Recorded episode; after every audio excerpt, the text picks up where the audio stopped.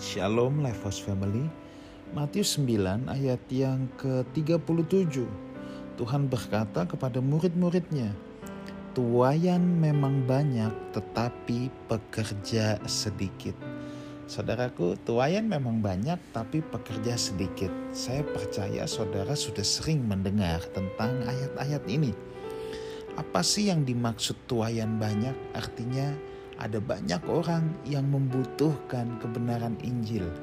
Seperti padi yang sudah menguning siap untuk dituai dan konteks ayat ini um, Matius 9 ayat 36 berkata melihat orang banyak itu tergeraklah hati Yesus oleh belas kasihan karena mereka lelah dan terlantar seperti domba yang tidak bergembala. Setelah ayat ini baru Tuhan bilang tuayan banyak, pekerja sedikit. Artinya apa?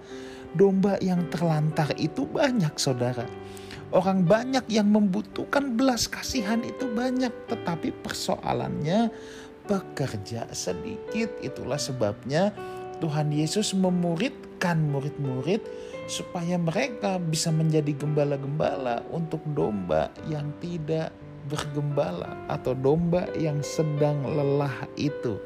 Nah, saudara, sekarang begini. Saya memang sebagai senior pastor di Lifehouse family, Lifehouse Community ini.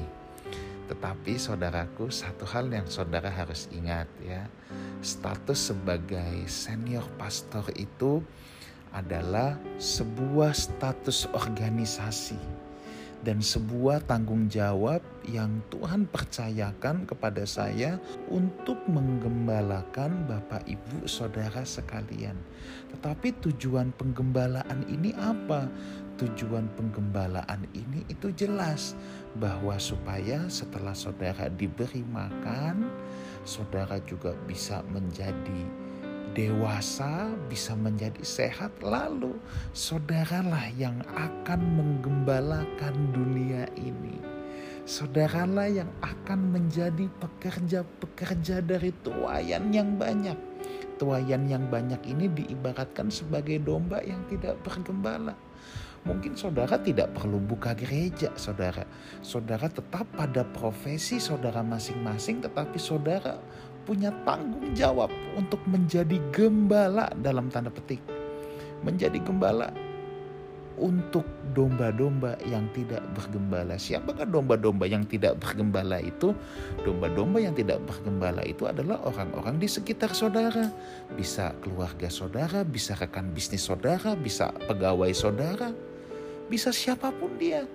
Itu menjadi domba-domba yang tidak bergembala yang Tuhan percayakan kepada kita.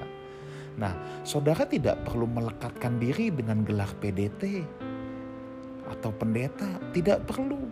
Tetapi tugas ini adalah tugas setiap orang percaya, saudara. Ya, tugas setiap orang percaya. Itulah sebabnya saya tidak bosan mengingatkan ya. Gembala itu memang status organisasi, tanggung jawab dalam pelayanan ini untuk memberi makan domba.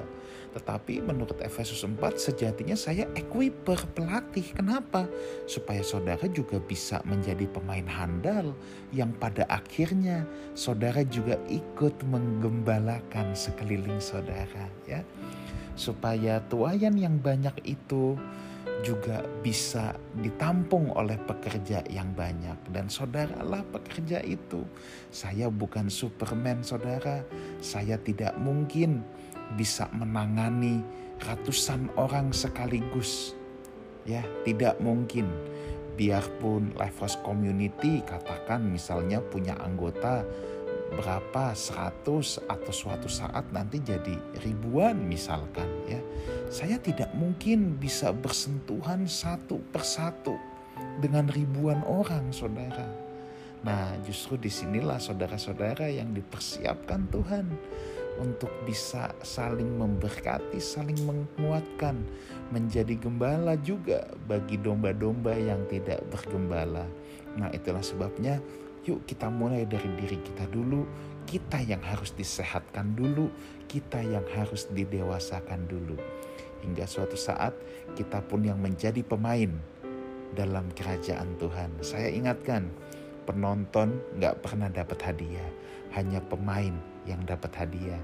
Dan saya rindu setiap live house community member, setiap anggota dari live house community tidak ada yang menjadi penonton, tetapi saudara semua pemain-pemain dalam tim kerajaan Tuhan. Tuhan Yesus memberkati. Haleluya.